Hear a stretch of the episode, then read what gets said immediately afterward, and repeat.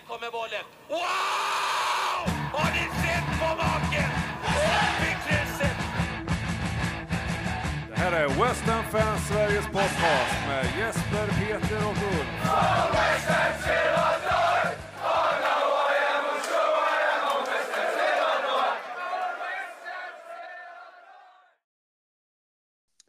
Förnedrande, förkrossande, ja allt vad ni vill. Nederlag med 0-6 hemma mot Arsenal. En chockerande usel insats. Det är svårt att finna ord för eländet, eller vad säger du Peter? Eh, 15 minuter in i matchen, 20 minuter in och 25 minuter in, då tyckte jag ändå, eh, de 10 minuterna tyckte jag ändå att det såg eh, lite kul ut. Efter 20 minuter så visade sig ju Edmerson för första gången i matchen och det hände något på, eh, på vänsterkanten och vi hade någon, eh, något, eh, något väggspel som, som gick hem och så tänkte jag att ja men det står ändå 0-0 fortfarande nu börjar vi ändå plocka upp något. Men efter 28 minuter när vi släpper in 1-0 så då, då, det heter väl inte att man halar, men att vi, vi hissade den vita flaggan och eh, efter det så eh, var vi ju inte intresserade. Det var, det var, bara, det, det var bara ledsamt. Eh, jag vet inte riktigt vi fick ju storstryk mot Fulham här i, i början på december.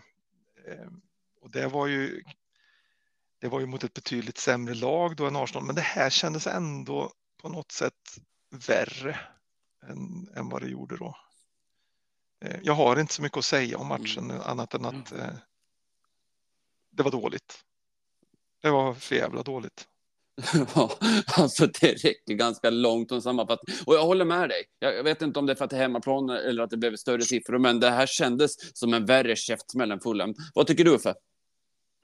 Jag hade hoppats inte behöva säga så mycket om matchen heller. Jag håller med er bägge om att det här kändes värre. Jag tror att det beror på att eh, det var så oengagerat och, och uppgivet att man någonstans eh, kapitulerade och, och lät det hända efter den där eh, vad det nu var, fyra mål på en kvart. Jag håller med om att det såg helt okej okay ut efter, efter 30. Jag kände att vi var tvungna att göra första målet. Jag kände att det var självklart att de skulle göra, göra mål. Men att, att det sen liksom bara ska trilla på på det här viset det är ju jävligt olyckligt. Men de, de reflektioner jag tar med mig är ju eh, dels att jag såg ju hela matchen. Eh, men jag, jag, såg den ungefär på samma sätt som jag ser rätt mycket fotbollsmatcher, det vill säga jag pillar på datorn, telefonen eller paddan samtidigt. I vanliga fall när jag ser West Ham så studerar jag ju varje touch och varje passning och värderar den. Jag gjorde inte det här Eh, i andra halvlek. Ehm, I övrigt så, så andra reflektioner är ju att att jag får en tankeställare över hur fruktansvärt mycket energi jag lägger på Premier League och på West Ham. Och, och om det är, ehm, jag ska inte säga att det, om det är värt eller inte, men jag, jag, kanske måste hitta en bättre balans. Så det är svårt att säga efter 50 år, där jag liksom verkligen lever West Ham varenda dag på året, utom möjligtvis, möjligtvis några dagar på sommaren när, när det är dött i transferfönstret. Men det, nej, det kändes väldigt uppgivet. Sen ett par andra reflektioner som är mina personliga. Den ena är ju att eh, jag kräver inte att, att folk ska, ska ehm, klappa och jubla när Rice kommer tillbaka, men jag tycker det är fel att bua. Jag, jag gör det. Jag tycker han, är, han, han har varit så viktig för oss och, och um, en fantastisk spelare för oss som alla jävla Arsenal-fans eh, nu säger att det är Arteta som har gjort honom så här bra. Han var lika bra på, när han var vår kapten. Men, men jag, jag tycker inte man buar. Sen eh, eh sen, sen eh, trots att folk buar åt honom ända från första bolltouch och vidare genom matchen. Det blir ju mindre buande när vi ligger under med 4-0. Men så gör han ju ett fantastiskt mål. Och ändå så försöker han att välja och inte jubla. Och man kan eh, säga massa skit om det också. Men, men hade jag varit, varit Rice och folk hade buat åt mig och, och jag hade gjort det där målet så hade jag jublat. Eh, och, och jag för mig säger det lite om den killen också. Sen, sen tycker jag det här med att folk eh, går därifrån. De har betalt pengar för att bli underhållna eller åtminstone hoppas på att bli det och de gör vad de vill med sina pengar och sin tid. Eh, jag hade suttit kvar, men jag respekterar de som går därifrån. Jag tror att det som gör mest för Salvan, mest ont för Salvan är, är inte 06 eller sättet det såg ut på, utan det är just att folk går hem och de tomma sätena. Eh, det, det, det, det, tror jag gör honom ont in i själen, ärligt talat. Eh, spelarkritik, Areola gör faktiskt någon, någon eh, han, han, han försöker i varje fall, även om jag inte förstår vad det är han försöker på den här straffsituationen, bara sträcker ut benet. Men, men eh, i övrigt så är det ju liksom etta på en 10 graders skala för resten i stort sett. Philips gör det ju bättre när han kommer in, men det, det är ju ingen match när han kommer in. Men han spelar inte fram till något mål i varje fall. Det var ju en, en fördel. Ja, det är väl där, där jag är någonstans. Mm. mm.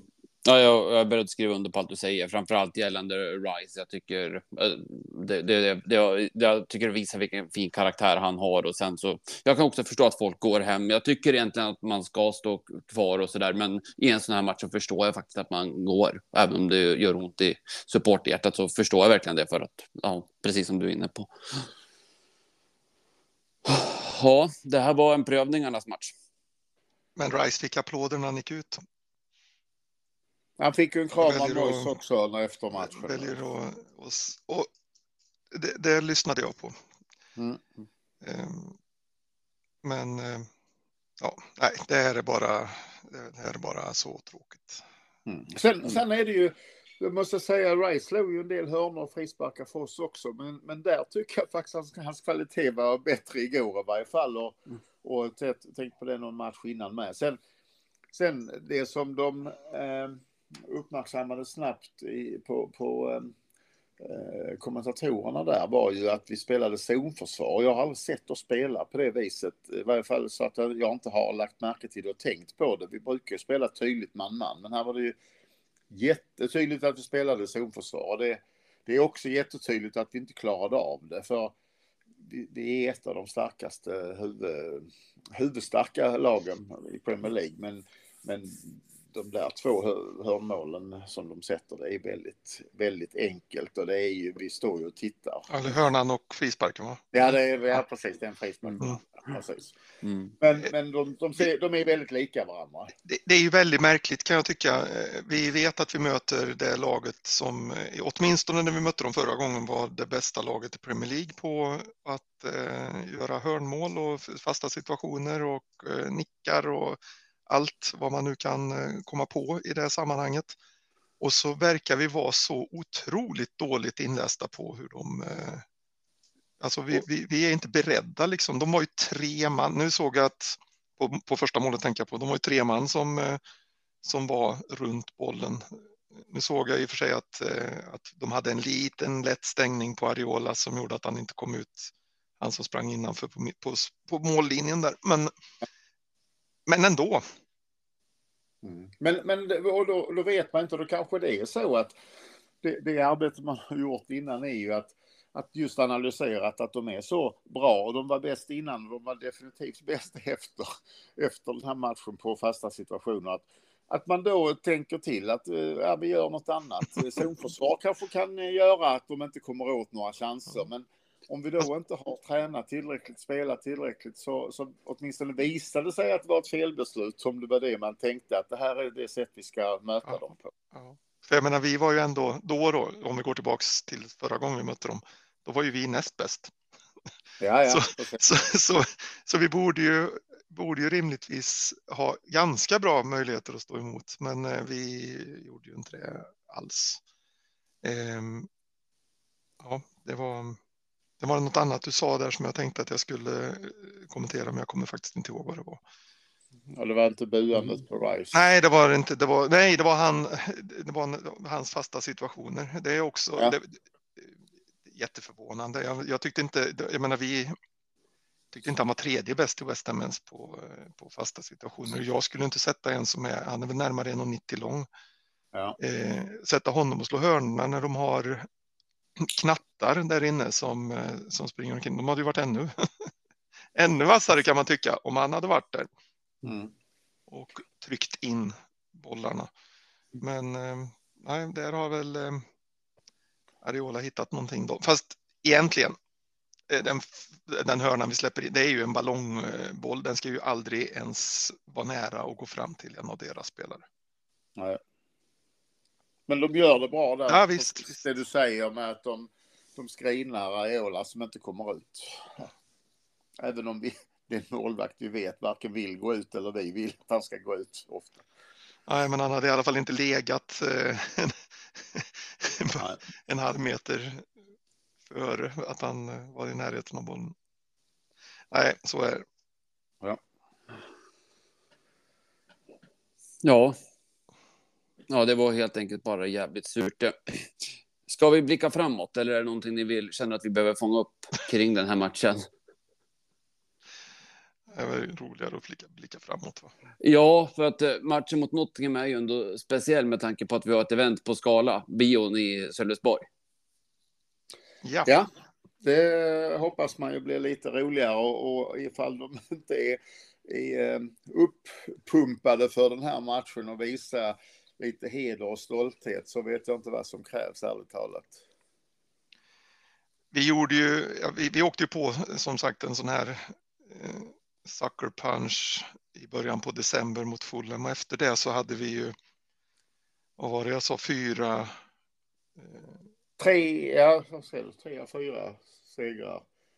Ja, no, no, Obesegrade av sig eller någonting. ja, sådär. precis. Vi, vi var obesegrade, eller vi, var, vi förlorade två av de kommande tio matcherna i alla, i alla sammanhang. Vi vann fyra av de fem nästa i, i alla eh, i, i kupper och så där och hade tre förlorade väl inte på fem eh, Premier League-matcher eller vad det var. Så vi hade ju en rätt bra period som började där. Vi slog bland annat Arsenal och vi får ju hoppas på. Vad sa du? Och- United. Och United, ja. ja precis. Eh, så vi får väl hoppas att vi, att vi sätter igång någon form av, av sån eh, streak efter det här, att vi verkligen reagerar och gör något bra, eh, gör något bra av det. Men eh, det, det är inte lätt att sitta här nu och, eh, och se det framför sig. Ehm, jag tittade lite på, eller jag såg en tweet om, eh, om de kommande matcherna här och motsvarande resultat förra året. Och det ser ju inte, ser inte alldeles eh, fint ut, även om vi har en bra, en bra eh, serie matcher nu med Forest borta och Brentford hemma och Everton borta. Och Burnley hemma. Men eh, av de tre av de fyra lagen mötte vi förra året och vi förlorade alla de tre matcherna. Men det vi måste är- göra något annat. Ja, Och det- den här gången. Det, där, det, den där statistiken säger ju inte någonting Nej, alls. det är klart Vi inte spelade ju oavgjort mot Arsenal förra, förra året eh, hemma. Mm. Eh. Så att, eh, nej, all- alltså det där jämföra med föregående år är för mig totalt ointressant.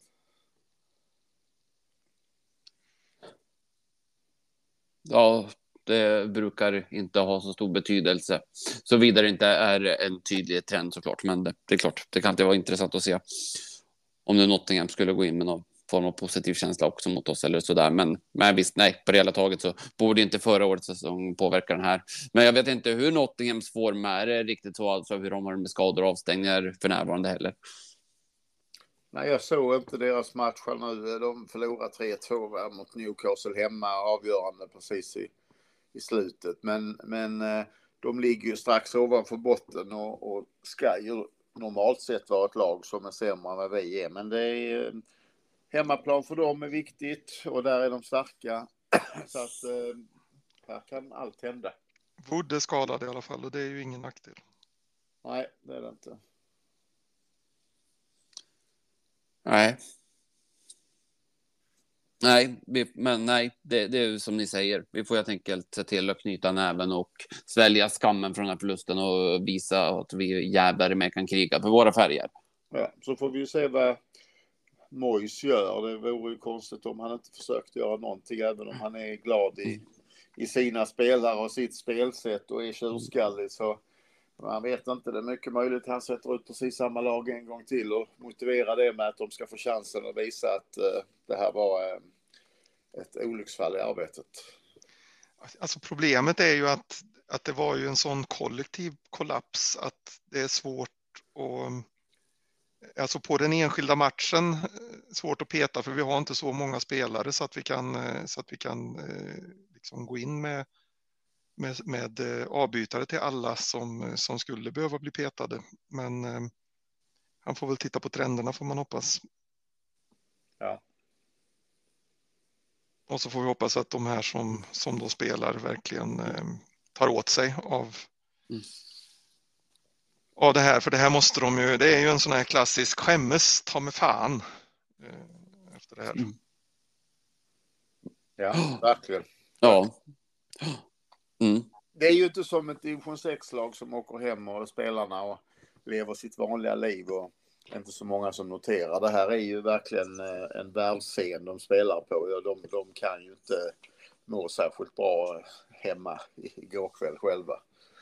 Nej, det får man ju faktiskt hoppas. Ja. Och, att de, och att de kommer in idag, eh, ja idag, att de kommer in idag och, och faktiskt har en ordentlig genomgång av den här, det här de hade ju sån här Eh, idag hade de ju, som, som vanligt så har de ju fritt dagen efter. Men de hade sån här eh, open training idag med eh, 200 eh, sponsorer, eh, hospitality-personer som eh, var inbjudna specifikt. Så Mois var där och diverse inbjudna spelare. Så att det kan nog varit en speciell stämning på den. Men det är ju jävla oschysst om de har betalat en massa pengar för att få vara med på, här, på, en, på en träning. Och så lägger man den en dag när de egentligen har inställd träning.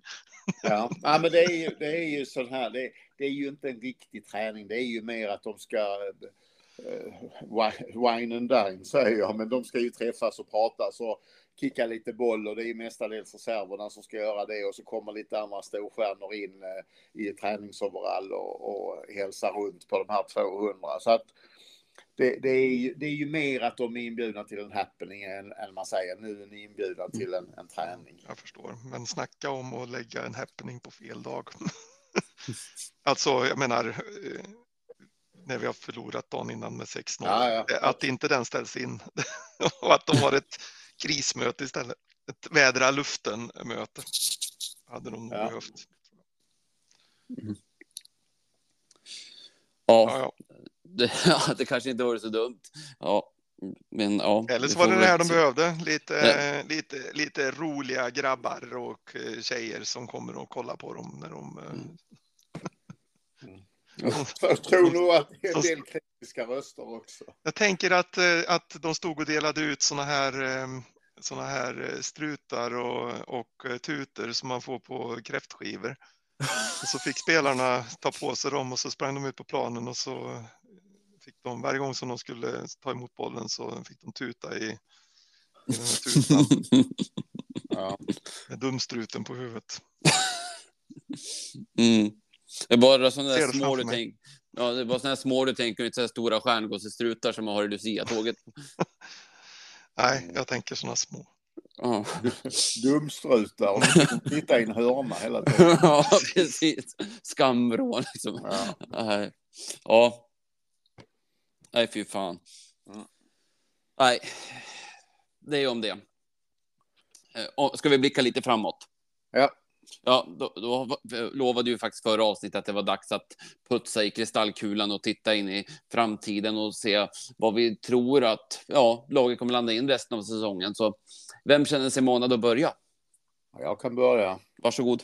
Om jag då tittar tillbaka på den spåkula som vi levererade i, eh, i, inför säsongen, eller precis i början på säsongen, så var ju min spåkula gick ut på att Moj skulle ha fått sparken inom typ tio veckor och den var ju totalt kass. Så att, eh, det var ju inte ett, ett rätt där, men eh, eh, den, om jag ska leverera en spåkula för resten av säsongen så, eh, så gör jag det eh, i dagens ljus och säger att Mois kommer inte få något nytt kontrakt. Mm. Det känns väldigt bra. Framförallt när jag missade den, den första så kapitalt. Jag satte nog, jag nog satt de andra åren så att vi hoppas på det. bra. bra. Mm, var du klar där Uffe? Ja, det Ja. är bra. Pe- Peter, Du var väl en sån lång som vanligt? Nej, den är inte fullt så lång som den som var i höstas. Men Peter, vill du köra först eller ska jag? Ja, men jag får ju mindervärdeskomplex som eh, om du körde in först. Eh, jag tror att eh, vi eh, ändå kommer tillbaks från det här debaclet. Vi tar inte 36 poäng till, men det har ju också gått över halva säsongen. Så att, men vi landar på strax under 50 poäng. Jag säger att det blir 48. Och ehm, med det når vi ju inte någon Europaplats. Och vi åker ur eh, den här eh, Europaturneringen som vi är i, i kvartsfinalen tyvärr. Och jag tror som du, Uffe, eller min spåkula säger samma som du och Mois. Det blir inget nytt kontrakt.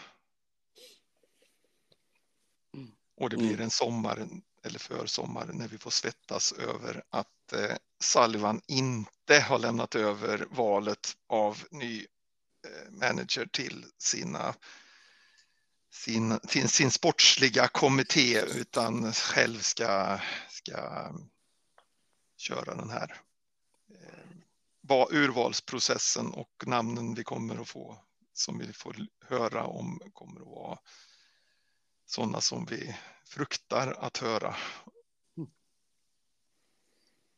Mm. mm. Ja, nu är det din Ja. tur. Ja, det är risk för det. Eller ja, ja, alltså, ja, jag förstår vad du menar. Ja, det blir inte lika lång som den i höstas, men för att återkoppla lite till den så var jag väldigt pessimistisk till en början. Där hade jag ju fel, som vi var väldigt bra i början. Och så blev det, så det blev precis tvärt emot vad, vad jag sa. Och sen så att vi skulle ta in Florian Wirtz för en 100 miljoner pund, det trodde jag väl egentligen inte riktigt på, men, och det gjorde vi ju inte heller. Och, men att det skulle vara så illa att vi stod här med en ännu tunnare trupp efter januarifönstret än vad vi hade, det, det kunde jag faktiskt inte ens... Alltså, det, det, det, det hoppades jag verkligen inte. Det var, det var verkligen ett slag i ansiktet, känner jag. Eh, för att återkoppla lite, den som faktiskt fortfarande lever av mina spåkulor, det är dels att vi ska åka ut Europa League på straffar. Jag sa att det skulle ske mot Borussia Dortmund, det lär det ju inte göra eftersom de är kvar i Champions League. Och så kommer Bowen göra 12 mål och han är på 11 nu, så den kan faktiskt sitta.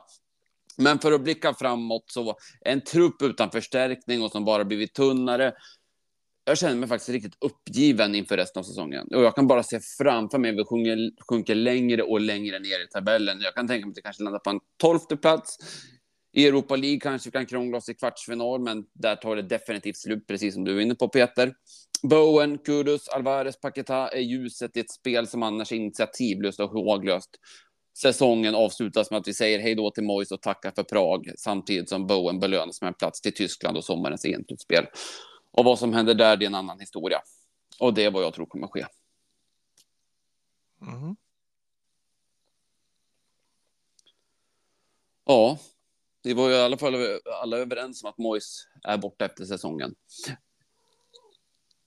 Ja, eh, och, och jag har haft lite kontakt där idag med, med min kontakt. Och det som sägs där då är ju ett, samma sak som man sa sist vi hade samma diskussion. Eh, det är att kontraktet är inte så eh, nära som det skrivs i media.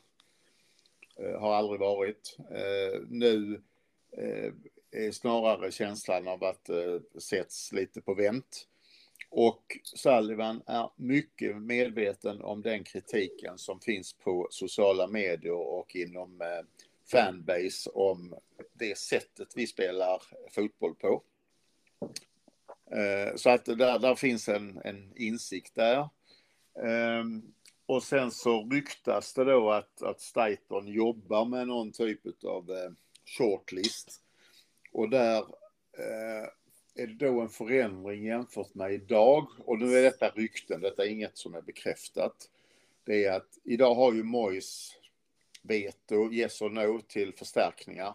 Staten är van att jobba med att eh, den som är manager tar ut laget och tränar laget, men inte är den som eh, säger ja och nej till transfers. Det gör styrelsen ihop med Staten. Så, Staten. så att rykten är då att Staten letar sätter upp en shortlist med managers som inte har sista ordet vad det gäller värvningar. Sen så kan man motivera både positivt och negativt för detta. Men, men det, är, det är de ryktena som snurrar nu i varje fall.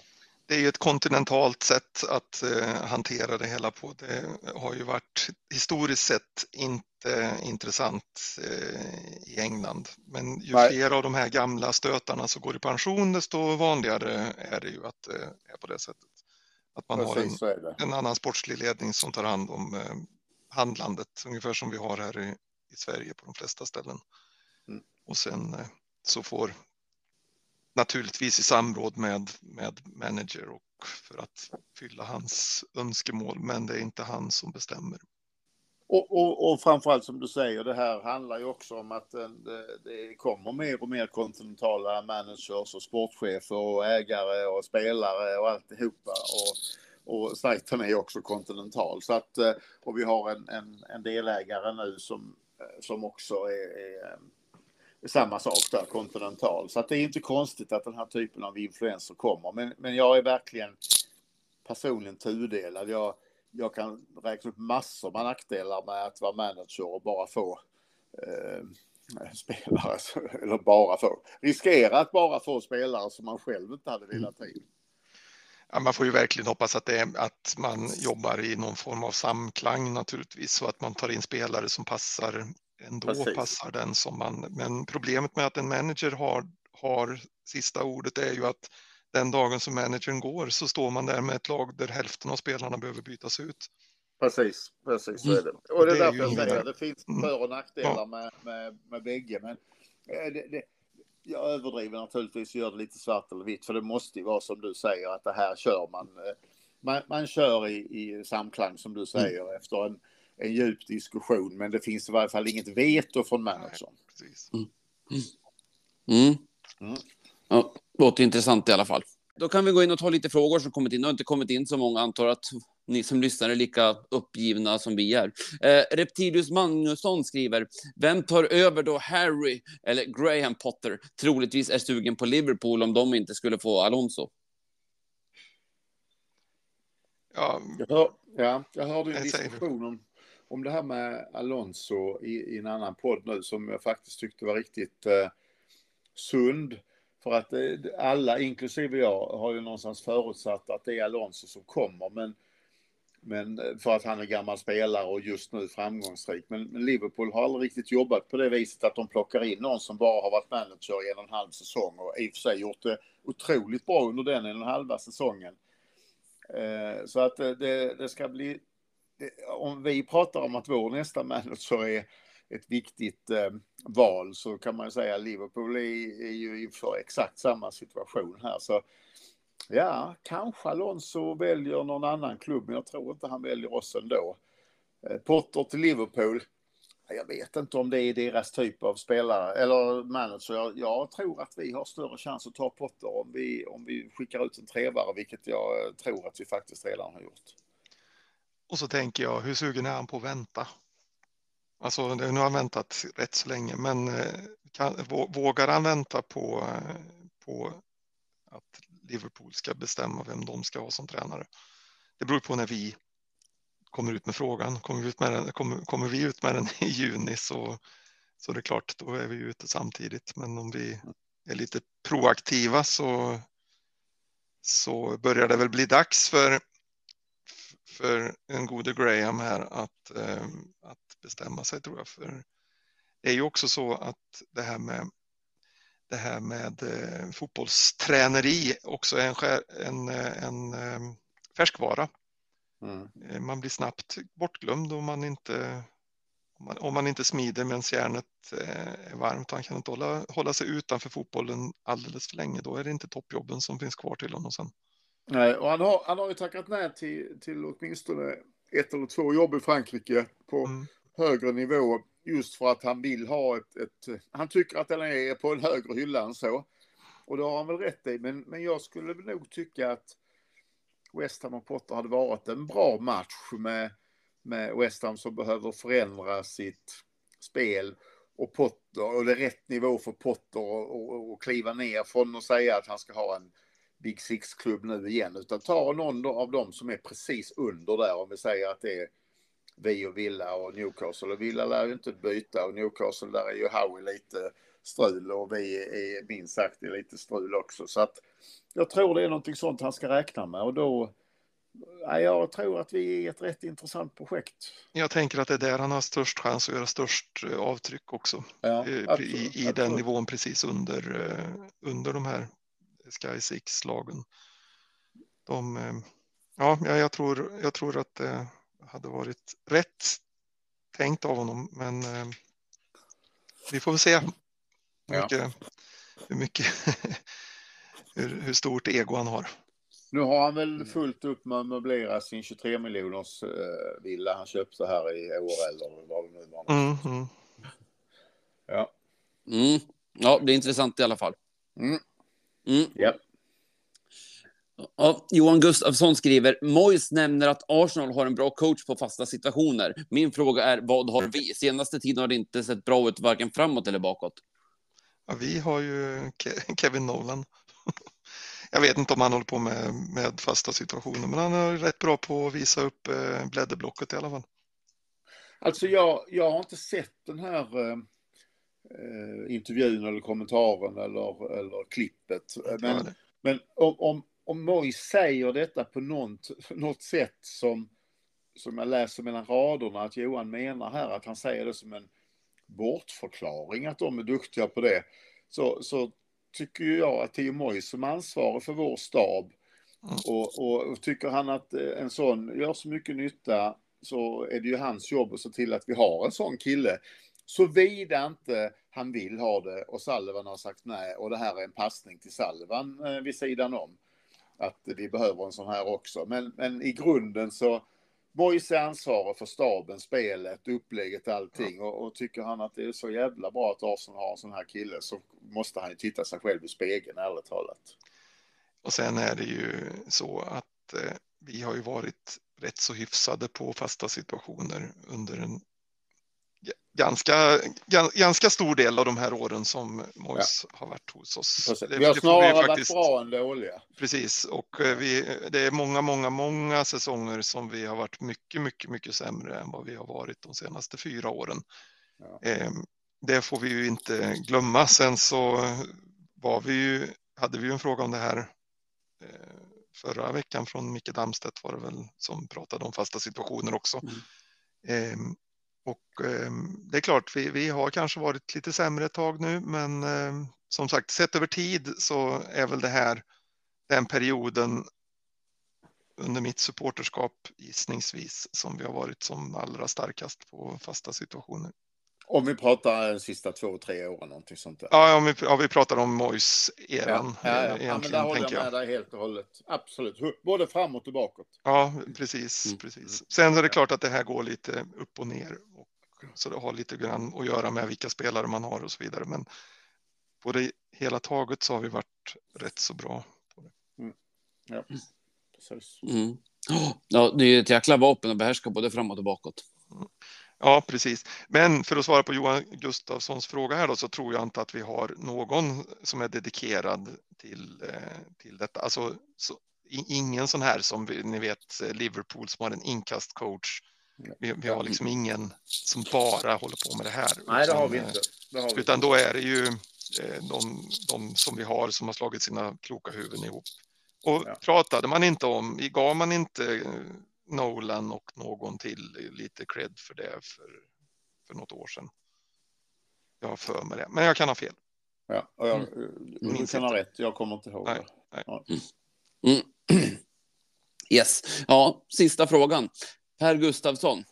Hej, vad status på Antonio Paquetá? En reflektion från mig. Känns som om luften lite gått ur spelaren efter januarifönstret. Jag har en in, två ut. Då kommer vi som är kvar jobba arslet av oss i alla matcher utan chans till vila. Är jag fel ute? Här har jag ju då lite input på första delen av frågan. Ja. Kör. Så sent som idag då. Antonio har ju varit eh, enormt nära bänken de två sista matcherna, men man har valt att eh, inte sätta honom där. Men han är minst på bänken i nästa match mot Nottingham. Eh, Paketa är ytterligare eh, strax bakom. Så vad ska vi tolka det som? En till två veckors eh, vidare. Eh, Antonio har ju tränat på gräs för fullt i två veckor. Det är, där är ju Paketar fortfarande inte. Så att eh, där har vi väl de där en till två veckorna då.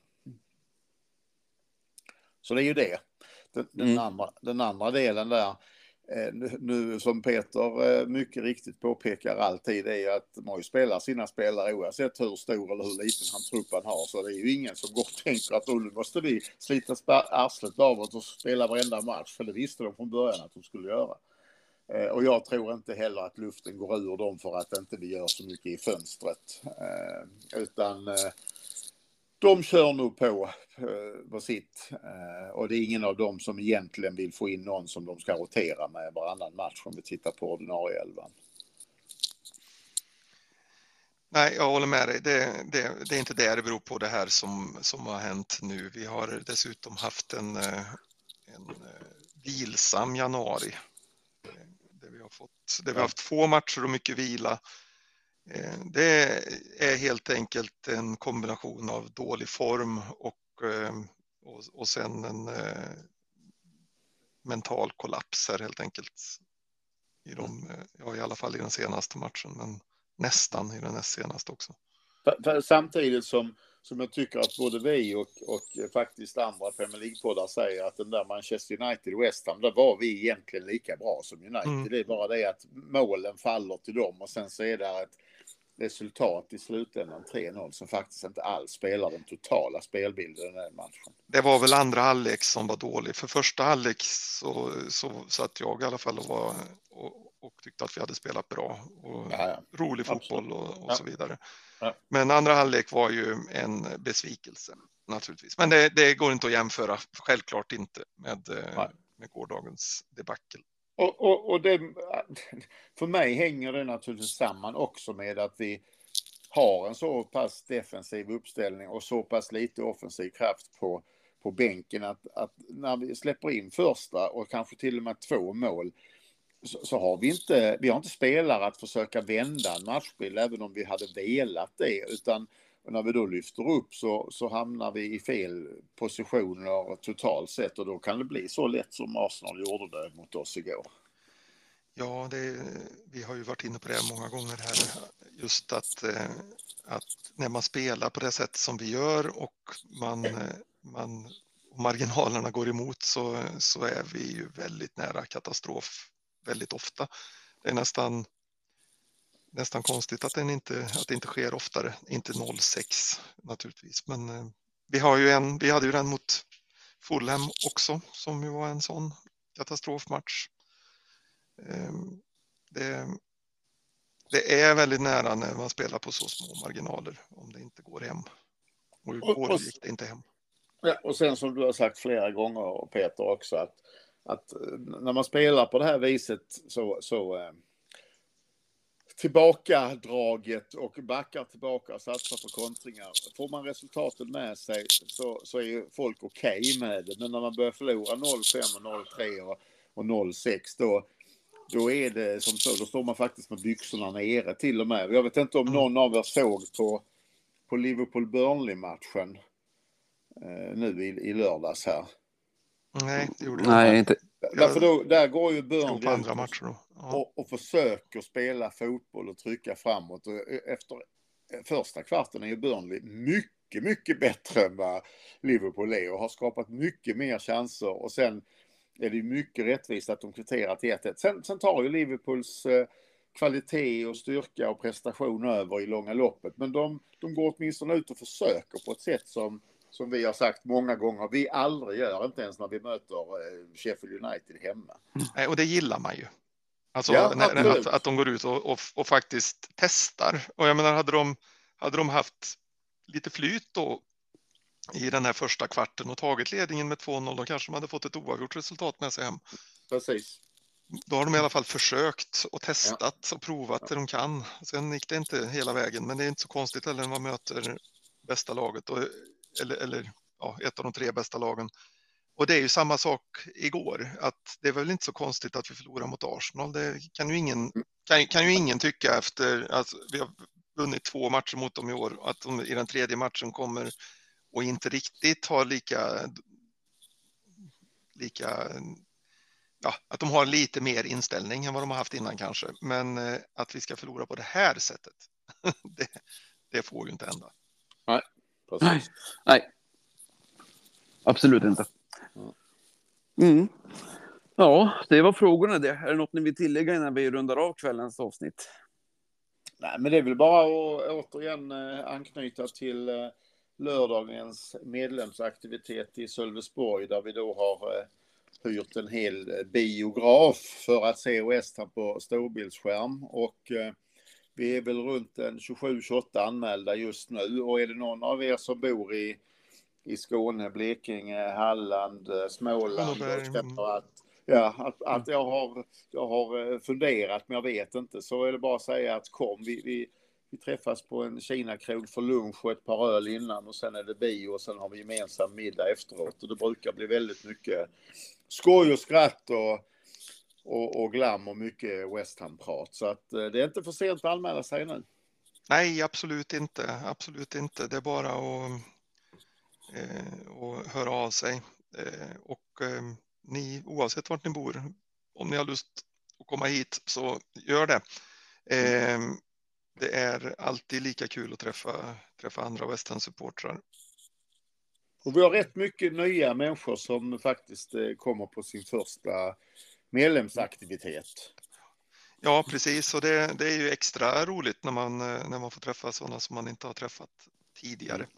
Ja. Eh, jag tänkte på det. eh, Du sa ju att vi träffas för lunch först och sen så går vi vidare till eh, biografen och där finns ju också möjlighet. De har ju en liten bar där så att eh, det finns möjlighet med eh, att- eh, att ta en öl även innan matchen där och paus och, och så vidare. Så att, eh, Ja, och man får även ta med sig ölen in i salongen. Ja, det så att- gjorde vi. Ja. Det gjorde vi förra året.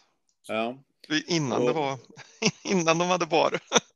ja, precis. Men nu får man ta med barens öl in i, Ja, i lokalen. Och Så, så du det gäller ju att ha med sig någon, så- det gäller ju att ha med sig en löpare som kan, eh, som kan springa ut eh, under tiden. Alltså så, man, så ni som har någon som är så här halvintresserad också, så eh, ta med den. Den kan ju, få- den kan ju få lite dricks. Det är därför jag har med dig Peter. Ja, som bara är halvintresserad. Ja, det, det är helt rätt. Och så vill du att jag ska sitta lite längre fram än jag gjorde förra året. Ja, det tycker jag att du ska göra. Ja, faktiskt. jag får se på det. Jag, på Jag föreslår det. jag- sitter jag gärna där jag satt sist. Men vi, vi ser. Vi ser. Ja, jag tänker att det är mest annorlunda jämfört med att sitta framför, eh, framför sin egen stora tv hemma. Ja, ja, så kan det vara. Det är väl, det är väl därför jag tänker. Det, är en, det, blir, det, det blir större, allt är ju större. Ja, precis. Nej, men det, det, det blir jättekul så eh, jag hoppas att det är några till som, eh, som anmäler sig. Mm, ja, det låter ju kanon verkligen. Mm. Och detta är ju naturligtvis då en del i eh, vårt 20-årsfirande av föreningen under 2024. Härligt. Förtjänar Ja. att nämnas. Absolut. Ja, vad säger ni? Ska vi låta det bli slutordet då? Det tycker jag. Ja, Ja. absolut. Ja, ja, då säger vi så, så får vi knypa ihop det här lite deppade avsnittet och så får vi blicka framåt mot Nottingham och den här trevliga träffen i Sölvesborg. Så säger vi come on new irons up, every be blowing bubbles. Ta hand om er ute. Vi hörs igen. Hej då! Tack för det. Hej, Hej då!